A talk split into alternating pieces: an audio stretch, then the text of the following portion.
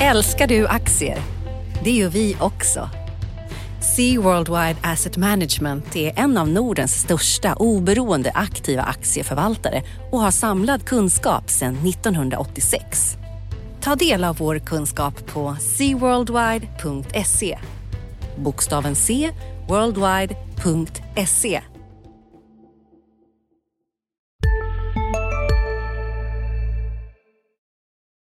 Analyspodden presenteras idag av Blackrock. Blackrock är en kapitalförvaltare med målet att hjälpa fler och fler att uppnå finansiellt välmående. Blackrocks kunder är alltifrån företag, banker och tradingplattformar till privatpersoner runt om i världen. Blackrock har ett brett utbud av produkter. Alltifrån traditionella fonder och iShares ETFer till alternativa investeringar. Gå in på blackrock.com för att läsa mer. Analyspodden från Dagens Industri. Hej och varmt välkomna till Analyspodden, Dagens Industris veckoliga försök att sammanfatta det viktigaste som har hänt på finansmarknaderna och kanske också försöka bjuda på någon tanke eh, inför framtiden. Eh, vi som ska göra det här idag är jag, Viktor Munkhammar, och jag har med mig från västkusten eh, Rickard Bråse. Hej Rickard! Hej! Hej hej! Eh, och först ska vi väl slå fast att det är fredagen eh, den 20 november förmiddag när vi pratar, så då vet ni vad vi vet och vad vi inte vet. Eh, och vi ska idag gå igenom det viktigaste som har hänt hittills på makrosidan. Det kommer jag stå för och det viktigaste som har hänt hittills vad gäller börser. Eh, och sen så ska du Rickard få förklara varför du tycker att det finns all anledning att vara lite skeptisk till börsen framöver och jag får väl försöka komma med några invändningar där. Eh, ungefär så är, är tanken. Det stämmer, eller hur? Jajamän. Jajamän, då kör vi. Jättebra.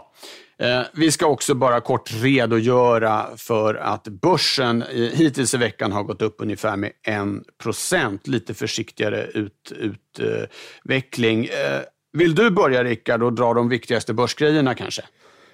Ja, det kan jag göra. Eh, vi har haft fokus på SSAB i veckan. De har rapporterat att de är på väg att ska försöka köpa ett nederländskt stålverk och det verkar inte som att alla tycker att det är en fullkomligt briljant idé. Eh, fond, Carnegies fondförvaltare Simon Blecker var bland annat ute och kritiserade detta tilltag.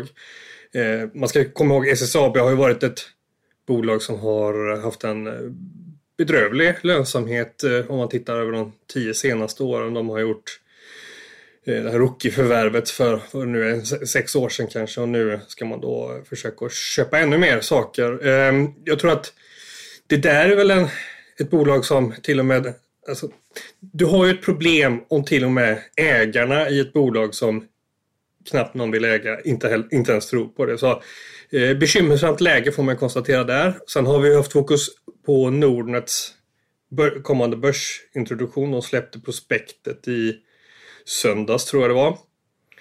Eh, det här köptes ju ut bara för några år sedan och är nu då redo för att eh, göra börsdebut. Man kan väl, är man lite cyniskt orienterad så, så, så, konstaterar man nog att det inte är en tillfällighet att det kommer nu när du har börsen på all time high och eh, transaktionsaktiviteten bland vanligt folk eh, och do it yourself investerare är också på rekordnivåer. Alltså vi har sådana här element som kanske brukar uppträda när, när börsen börjar närma sig sista refrängen eller versen eller vad det heter. Det. det. kanske, vi, det kanske vi ska återkomma till. Och sen så har vi dessutom då fått en av storbolagens VD har fått respass. SKFs Alrik Danielsson. Efter sex år på jobbet eh, så, så formulerade man det i ett pressmeddelande som styrelsen och VDn då tillsammans kommit fram till att eh, det är läge att leta efter en ny VD. Jag vet inte. Till och med identifiera en ny VD var det va? Identifiera en ny ja, VD ska ja, det, det har man kommit fram till. Äh, blomsterspråk de använder i de här releaserna. Eh, man kan ju undra om det är, ja, vad ska man säga, det är någon form av konsensus eh, drypande eh, tillställning det där får man ju säga när då vdn ha, ha, i samförstånd har kommit fram till att han måste ersättas. Det är ju fantastiskt. Ja, men, men, men, så fungerar det, fungerar det där. Det där är ju ett bolag som har haft väldigt mycket organiskt fokus de, under, under de här sex åren som har gått. Man har stängt fabriker, man har sparkat tjänstemän, man har dragit i kostnader, man har skruvat och rattat på, på liksom rörelsekapital och kostnader. Men egentligen så är det tillbaks på samma nivå som det var där allting startade. Bolaget har, hade förra året, om vi kollar då in, innan Corona ställde till det, alltså 2019 hade de en rörelsemarginal på 11 procent. Det hade de 2014 också, så att de är liksom på samma punkt idag som de var då. Ett stabilt bolag då kan man säga? Stabilt är väl inte det man vill ha. Du vill ju ha någon form av eh, framåtmarsch, skulle ah, jag säga. Okay. Så, och, och det, han fick en väldigt flygande start ska man komma ihåg. Det var, jag vet inte om alla minns det, men våren 2015 då var då var eh, verkstadsbolagen ganska heta. Du hade en väldigt stark dollareffekt som täckte över att du hade en eh, skralare efterfrågan. Så att det var en sån här läge där liksom man inte fattade riktigt vad som hände. Det hade väldigt svårt att för, alltså, acceptera den starka börsutvecklingen. Men du fick en topp, OMX30, som är det derivatgrundande indexet satte 1720 och i samband med det var SKF en av de här aktierna som satte ett all time high som man fortfarande inte då har kunnat eh, matcha helt enkelt. Andra bolag, om du kollar på Sandvik eller Volvo så där, har, har, ju, eh, har ju tagit stora kliv och eh, lyft sin lönsamhet till nya nivåer. Eh, SKF är liksom kvar på samma nivå skulle man kunna säga. Det första han fick göra också var att sänka rörelsemarginal och målet när han kom in då för under 2015 från 15 till 12 procent. Och de hade kapitalmarknadsdag bara för ett par veckor sedan och då fick han äntligen möjlighet att höja det här målet till 14 procent. Ja. Men nu ska han bort i alla fall. Nu ska han bort. Och, eh, så ska vi få en vd. Just det, och bara en kort grej där om eh, SSABs det här tänkta köpet som vi ju inte vet om det blir av eller inte. Men det som väl kanske eh, framstår som lite underligt där är att de har ju haft en tydlig nisch, nischstrategi eh, och dessutom nu håller ju på att utveckla den här fossilfria produktionen och eh, ska nu då springa åstad och köpa ett gammalt vanligt Eh, Eh, stålverk eh, på kontinenten, eh, vilket ju går lite på tvärs mot, mot vad man har trott sig se i det bolaget i alla fall. Är det korrekt uppfattat?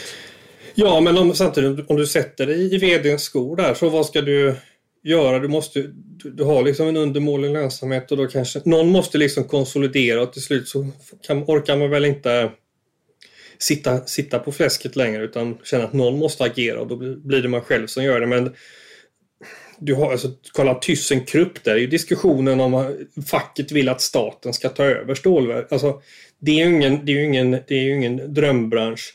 Och samtidigt så, det som man försökt, har försökt att sälja in det här på är att jo, men du kan inte... Det här kommer bli bra för att de gör den här satsningen på, på, på, på, på minska sina utsläpp och göra ett mer hållbart stål, eller så då i miljötermer hållbart stål. Mm. Men det rimmar ju som du säger väldigt illa med, med att, du, att du drar på dig ännu mer koldioxidutsläpp. SSAB, jag tror att de, det är väl under 10 miljoner ton koldioxid de släpper ut totalt på koncernen, inte bara i Sverige då. Ja. Och det är väl en, det jag tror att det motsvarar kanske 70 procent av all trafik i Sverige. Eller något sånt där. Så att de det är ett um, ett, en tung utsläppare så att de är bättre på att producera liksom koldioxid än eh, vinster. Ja, tråkigt när det är så. Mm. Ja, bra, eh, om vi går över till min sida bordet då så att säga, viktigast eh, på, på makrodelen så får man nog säga att mätningen av eh, arbetslösheten som SCB e Eh, kom igår, den här månadsvisa, som ju var en glad överraskning. Den sjönk till 8,6 eh, i oktober från 9,0 i september och där hade analytikerkåren räknat med en oförändrad nivå. Och eh, eh, arbetslösheten i sig är ett lite lurigt mått för den kan ju sjunka därför att folk väljer att lämna arbetsmarknaden. Men så var det inte den här månaden i alla fall utan arbetskraften ökade något men sysselsättningen steg ännu mer då så att den, arbetslösheten sjönk av rätt skäl som man Eh, eh, brukar säga. Och, och det här eh, var ju positivt och eh, lirar också faktiskt med det mönstret vi har sett de senaste månaderna, nämligen att det inte har blivit fullt så illa på arbetsmarknaden som man nog hade befarat. Eh, eh sen får man ju slå fast två saker. Då. Dels att det fortfarande är eh, klart svagare än för exempelvis ett år sedan om man tittar på den här sysselsättningsgraden som jag tycker är det bästa måttet. Det är väldigt rent och fint. Det visar rätt upp och ner hur många som är sysselsatta i relation till hela befolkningen. Alltså väldigt svårmanipulerat eh, mått så är den 1,2 procentenheter lägre än den var i oktober 2019. Men som sagt, man ska nog jämföra med eh, snarare hur det såg ut att bli i våras och då har vi haft en klart starkare utveckling. Den andra lilla brasklappen, och den är inte så liten, är ju att den här oktobermätningen gjordes innan vi på allvar gick in i den här andra smittovågen i Sverige och med de här skarpare restriktionerna och framförallt eh, folks ändrade beteende, restriktioner eller ej, det vill säga att man håller sig borta från gator och torg och köpcentrum och så vidare. Så att det finns nog alla anledning att tro att det kommer vara klart trögare den allra närmaste tiden här än vad som fångades upp i den här mätningen. Eh, och en signal om det fick vi också i en eh, annat datasläpp här i veckan, Konjunkturinstitutet som gör såna här extramätningar eh, i och med att det är ett så stökigt läge i ekonomin, eh, där de tittar på omsättningstappet i näringslivet och det var då i den här nya mätningen 12 procent mot ett slags normalläge eh, och, det var lite sämre än vi såg i, i september. Och Eh, framförallt är det ju då tjänster och, och, handel som drar ner där och det vet vi ju är sysselsättningsintensiva branscher. Så att, eh, eh li, lite, lite varningsflagg även framöver på, på arbetsmarknaden. Men eh, ser man det till utvecklingen i sin helhet det senaste halvåret så har det gått klart, klart bättre än man, eh, man hade kunnat befara. Och sen kan man väl lägga till också, tycker jag, om vi ska vara lite optimistiska här, att vi faktiskt har fått eh, ytterligare såna positiva vaccinnyheter eh, vad gäller effektivitet och annat. Och det är ju, det är ju på något sätt det som eh, måste rädda, rädda skivan här räddningspaket och, och eh, stödköp och andra saker i all ära, men det är ju viruset som är det stora problemet. Så det är ju eh, på lite längre sikt eh, eh, får man nog säga att de nyheterna som kommer in här är, är väldigt glädjande.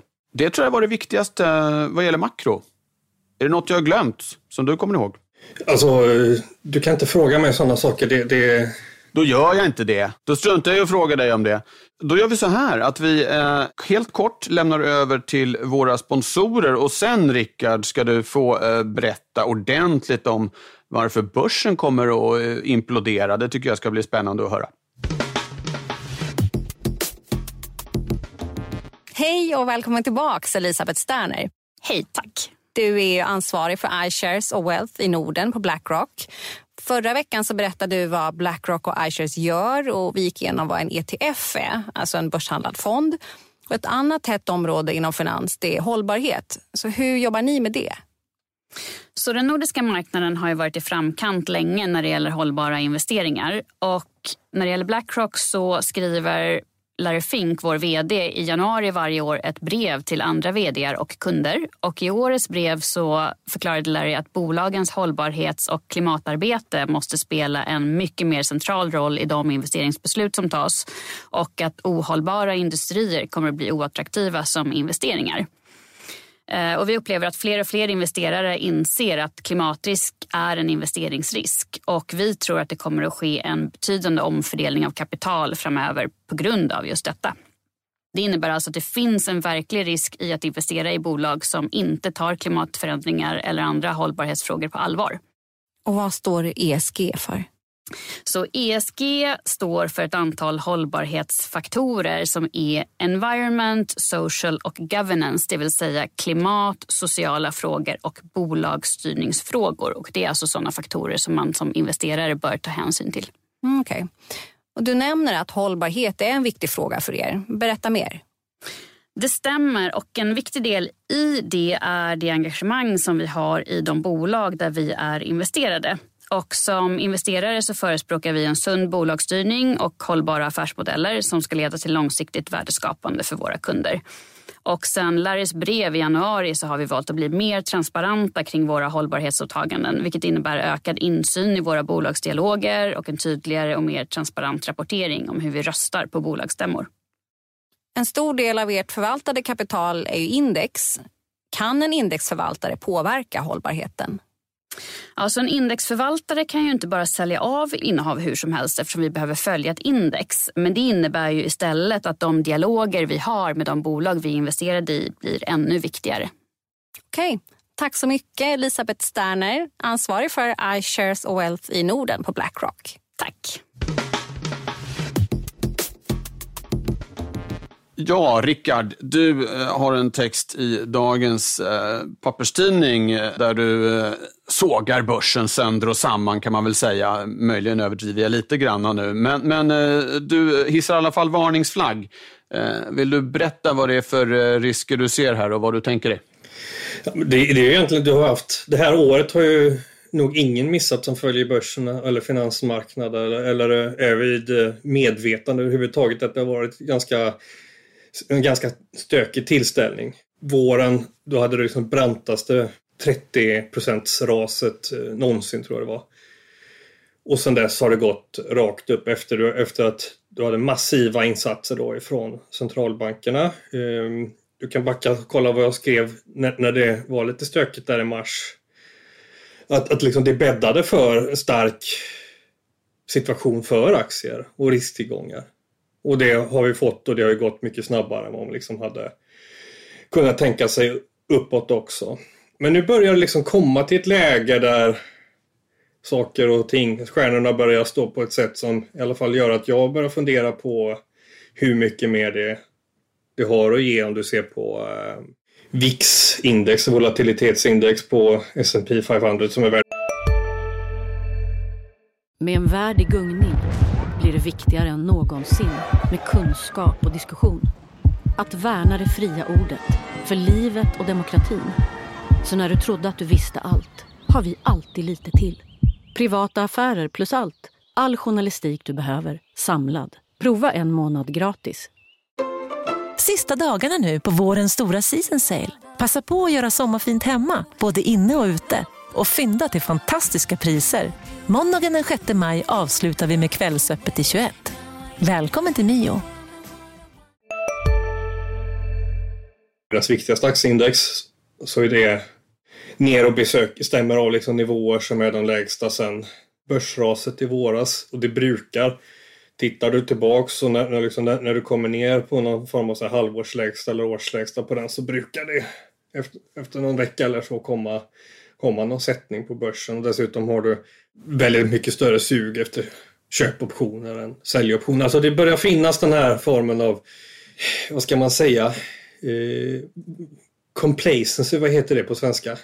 Mm, ja, någon slags förnöjsamhet. Ja, liksom, du börjar slappna av helt enkelt -huh. och känna den, liksom, den här av, avslappnad inför sakernas tillstånd. Att att börsen bara kan gå upp i princip och att det här bara kommer rulla på. Ungefär som du backar banden och läser vad rubrikerna skrek om i mitten på mars så var det liksom ingen vändning i sikte och nu är det omvänt då liksom inga risker i sikte. Mm. Och det där är ju liksom det farligaste som finns i i, i börssammanhang. Och då är det liksom, så det ena är då, ja men det börjar liksom närma sig någon form av rekylläge. Nu är det ju inte så där jättelänge sedan, du hade ju ett dropp innan presidentvalet som var, ja men som var några procent då. Mm. Men det kan liksom börja närma sig att det är dags igen men kan det vara läge för någonting större? För nu har du ju då den här Buffett-indikatorn som är amerikanskt relationen mellan amerikansk BNP och eh, totalt börsvärde på amerikanska aktier. Att den är liksom på all time high. Mm. Som är ett extremt grovhugget mått liksom på hur hur du värderar dina eh, vinstskapande verksamheter som finns. Ja, då, jag, måste ju invä- alltså, jag är ju räntemänniska, så jag tycker ju att börsen har varit för högt värderad sedan 1982 eller något liknande. Men, men om jag ändå ska säga emot dig här då så Eh, visst, eh, i relation till BNP, eh, om man tittar på sånt heligt gammalt mått som PE-tal så ser det ganska läskigt ut också. Det är inga eh, fantastiska vinster i utsikter i relation till priserna. Å andra sidan så är det ju det här, ja, men vad är det man jämför med? Om vi nu tänker oss att vi ska ha ingen ränta nästan så långt fram man kan se. Jag menar, då kan man ju nästan ha ett P tal som är hur högt som helst och det är ändå rimligt därför att vinsterna ska inte diskonteras med någonting. Eh, och då kanske det blir fel att titta på de här måtten som ju trots allt vi har tittat på i tider när vi har haft en ränta. Om vi nu inte ska ha någon, ja, då kanske börsen ska vara värderad så här högt. Det är ju den invändningen som de allra flesta kommer med. Ja, och förra gången för två veckor sedan när jag och en... Eh, när jag och Felicia gjorde, vår kollega Felicia gjorde den här podden, då var min, min vilda spaning att eget kapital inte finns längre utan att det har hybridiserats. För att dels har du liksom ingen ränta eller väldigt låga räntor och dels har du stater som bevisligen kan gå in och betala anställdas löner eller göra precis vad som helst för att ha någon form av, vad ska man heter det socialt skyddsnät om, den, eh, om det inte är en fysisk person utan en juridisk person som ska fångas upp. Ja, Men, alltså, bruk, då, ja, annars brukar man ju prata ändå om att vi socialiserar förlusterna och privatiserar vinsterna. Ja, och, eh, det är, och det är precis skattebetalarna tar nedsidan och så får eh, ägarna ta uppsidan. Och, och, och naturligtvis, du, har, du, du vet ju, du som följer centralbankerna, att ett tema då i år har ju varit att man har ställt sig beredd att köpa eh, företagsobligationer till exempel. Och då, vad, vad liksom betyder det i förlängningen att Alltså du har ett system där du är garanterad att få typ pengarna tillbaks i utlåningen. Alltså att jag lånar ut pengar till dig och vet att om du inte betalar så har jag typ en pant på dina njurar så jag kan sälja dem. Då kan du komma till mig och säga du jag ska iväg på travet och spela, har du hundratusen? Det, alltså, det är ju helt givet att jag ska låna ut dem till dig. Jag vet ju att jag kommer få tillbaka dem även om det är i, i grunden en ganska os... Ja, ja det var, jag, jag, läste faktiskt en rätt intressant intervju på det här temat med Bill White som var mm, Eh, eh, chefsekonom på BIS, eh, alltså centralbankernas bank brukar den kallas ibland, un, under många år och är en eh, rätt känd eh, eh, skeptiker. Eh, och han vänder sig mot hela den utvecklingen vi egentligen har sett de senaste tre decennierna på just det här temat Eh, eh, att, att centralbankerna har fått en för stor roll, att finanspolitiken har kapitulerat, lämnat över till penningpolitiken och försöka skapa tillväxt och att det inte funkar.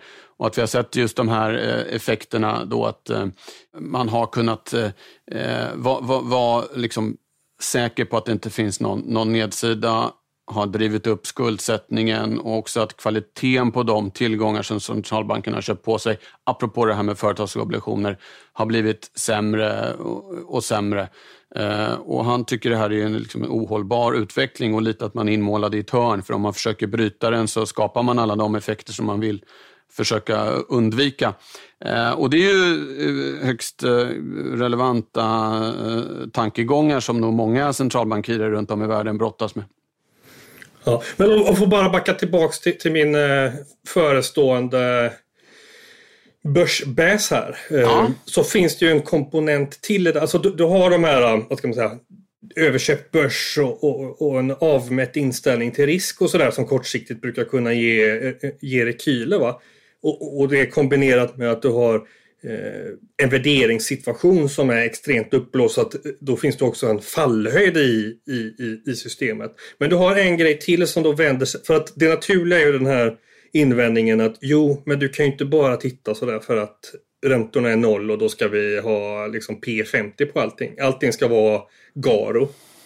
Mm. Men, vad, men vad säger du om, titta på spreaden på 10 och 2-åring i USA senaste året. Den har liksom gått från knappt inverterad då till att den har varit, nu har den, nu har den liksom fallit tillbaks lite senaste veckan, men i en stigande trend och du backar tillbaks till när den har gått ifrån ett inverterat läge och upp den här nivån idag. Så senast då är du tillbaks i hösten 2007. Vad hände efter hösten 2007 tror du? Mm, ja, ja, det har jag tydliga minnen av vad som ja. hände då. Och sen kan vi backa tillbaks till, eh, till efter millennieskiftet också, eh, gången innan då du hade det här läget. Och vad hände då?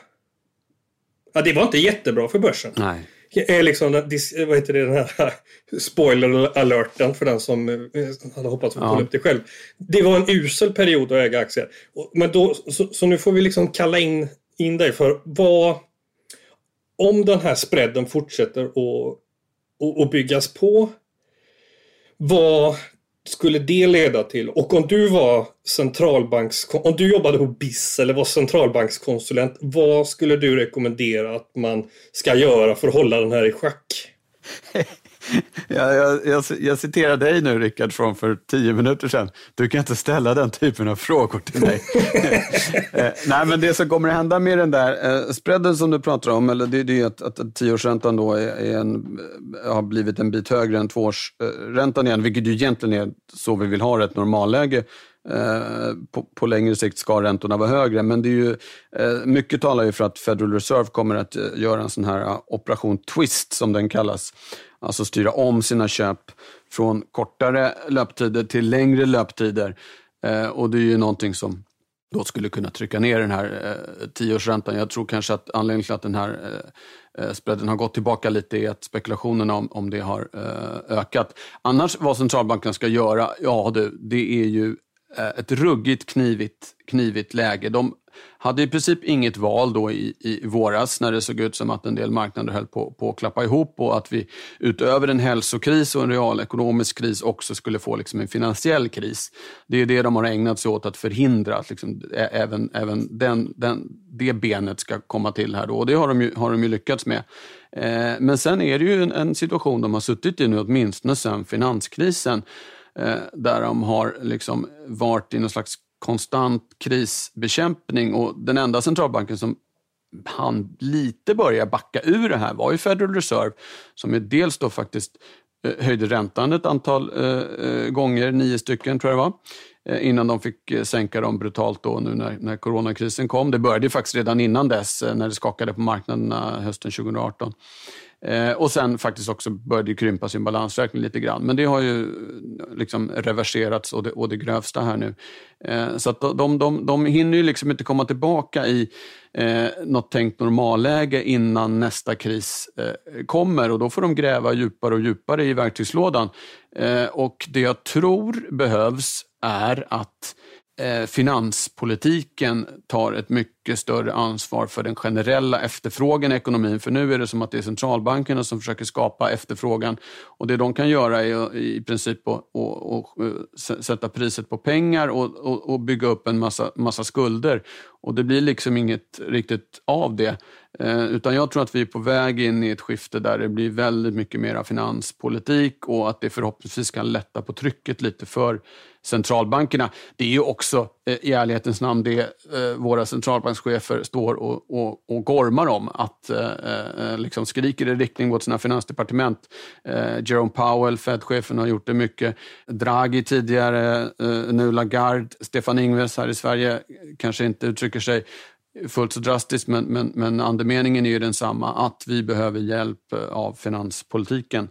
Så det är väl det, i den bästa värld, där eh, offensiva offentliga investeringar, vettiga sådana som ökar den potentiella tillväxten. Ekonomierna kan växa eh, mer, fler människor kan få jobb, eh, skuldnivåerna kan sjunka genom att ekonomierna blir större. Eh, det är ju liksom drömscenariot. Om det kommer slå in är väl en annan sak. Men hur, hur liksom, du har ju redan budgetunderskott. Hur ska du liksom eh, öka dem ännu mer och få skulderna att minska? Det känns ja, och man, samtidigt så får man ju konstatera att vi har ju det här att det är väldigt låga räntor. Sverige eh, det skulle kanske för övrigt varit med på, på genomgången av makroveckan här. Sverige släppte ju faktiskt en 25-årig obligation. Vi har fått en ny längsta punkt på räntekurvan. Och staten kunde då låna upp på 25 år till 0,53 procent sålde eh, obligationer för 13 miljarder, eh, hade bud på 45 miljarder. Eh, och då när man kan låna för en halv procent eh, per år i 25 år kan man ju ändå kanske tänka sig att det finns offentliga investeringar att göra som har en samhällsekonomisk avkastning som ligger över det. Eh, tittar vi på den reala räntan så är det ju minus det handlar om, även om inflationen är låg. Eh, så det är väl den typen av saker som man då önskar att staterna skulle utnyttja det här eh, tillfället till att göra investeringar som helt enkelt avkastar mer än de kostar. Och då är, är, är det ju ingen dum idé att låna pengar. Om man däremot eh, lånar pengar och använder dem till saker som eh, inte ger någon avkastning, då är det ett större problem. Eh, men så länge man gör vettiga saker då så, så, så är, är det ju lugnt, lugnt att låna. Mm. Ja, om man bara ska, liksom när vi sitter och pratar om penningpolitik och finanspolitik, ha, ha, har vi liksom implicit gett upp någon idé om att marknaderna klarar av att liksom söka sina jämviktslägen på egen hand? Alltså, måste allting ja, vara dirigerat? Det, har, det har vi väl lite. Är det så? Ja, ja alltså, om, man, tänker på det. Så det började egentligen redan med eh, liksom, the Greenspan put Eh, alltså att det finns en implicit säljoption utfärdad av Federal Reserve som, som liksom har vandrat vidare. Det var någonting som vi hade uppe i den podden som jag gör här, Makrorådet i veckan. Då kan man höra mer om det resonemanget och det var kopplingen till bostadsmarknaden då. Men att det finns en, en hela tiden någon som täcker un, undersidan, som ju du var inne på också. Och, och då har man ju tänkt sig att marknaderna inte klarar av att balansera eh, risker mot eh, möjlighet till avkastning eh, på, på, på egen hand. Men det är ganska intressant för att du kan ju backa, jag är ju egentligen historiker och backar du till 29-krisen. Alltså då, då var ju en föreställning att bara vi kunde hålla valutan mot, mot guld så kommer marknaderna lösa det här och så var man, la man alldeles för mycket vikt vid att liksom försvara den relationen med att pengar är guld. Ja. Och, nu, och nu är det liksom i pendelrörelsen har gått så långt så att det finns liksom ingenting liksom, du, kan push, du kan göra eh, pengar hur värdelösa som helst egentligen. Det finns liksom ingen hejd på hur mycket pengar du kan trycka verkar det som. Ja, fast de blir inte värdelösa. Vi har ingen inflation. Nej, men det är ju en tidsfråga. Ja, och det skulle ju vara lösningen på de här skuldproblemen då. Det är ju, det är ju en, en, en traditionell modell. Eh, att inflationen eh, tillåts stiga över räntorna och så kan eh, myndigheterna, staterna med så kallad finansiell repression tvinga pensionsfonder och andra sådana institutioner att, att köpa på sig skuldsedlar ändå och så, och så, och så sjunker, sjunker skulderna mm. via, via inflationen. Det tror jag är säkert ett spår vi kommer få se här om man, om man blickar fem, tio år fram, fram, framåt i tiden. Eh, men vet du Rickard, jag tror vi ska börja runda av det här. Tycker du? Ja, det här är så jag, roligt, jag, jag vill inte sluta. Jag, jag, tycker det. Tanken är att, det ska, att lyssnarna eh, ska liksom hinna med annat också. Vi närmar oss en halvtimme. Det är en magisk gräns. Ja, vad synd. Då får inte lyssnarna höra på mina tankar om att jag är mest stressad av allt. Det är jag liksom inte för att börsen ska gå ner, utan det är nog egentligen mitt reservreservkonto med pengar på. Att det är den jobbigaste positionen att ha svenska riksdaler på ett konto som bara ligger där. Alltså, då blir du stressad? Ja, det, det är stressande. Just för liksom att... Av saker som vi har pratat om. Men vi nöjer oss där. Vi, jag, tror, jag tror vi får göra det. Vi tackar också förstås alla som har lyssnat ända hit. Eh, och påminner om att det finns andra poddar från Dagens Industri. Jag redan var inne och puffade lite för den som jag gör som heter Makrorådet. Eh, det finns också eh, en podd som heter Förnuft och känsla som handlar om ledarskap. Och eh, man kan också lyssna på Digitalpodden om man är intresserad av den delen av ekonomin och en del annat. Men där tror jag vi säger tack och hej för idag och önskar en trevlig helg. Hej hej! Hej hej! Analyspodden presenteras idag av Blackrock. Blackrock är en kapitalförvaltare med målet att hjälpa fler och fler att uppnå finansiellt välmående. Blackrocks kunder är alltifrån företag, banker och tradingplattformar till privatpersoner runt om i världen. Blackrock har ett brett utbud av produkter. Alltifrån traditionella fonder och iShares ETFer till alternativa investeringar. Gå in på blackrock.com för att läsa mer. Analyspodden från Dagens Industri. Programmet redigerades av Umami Produktion. Ansvarig utgivare Peter Fellman.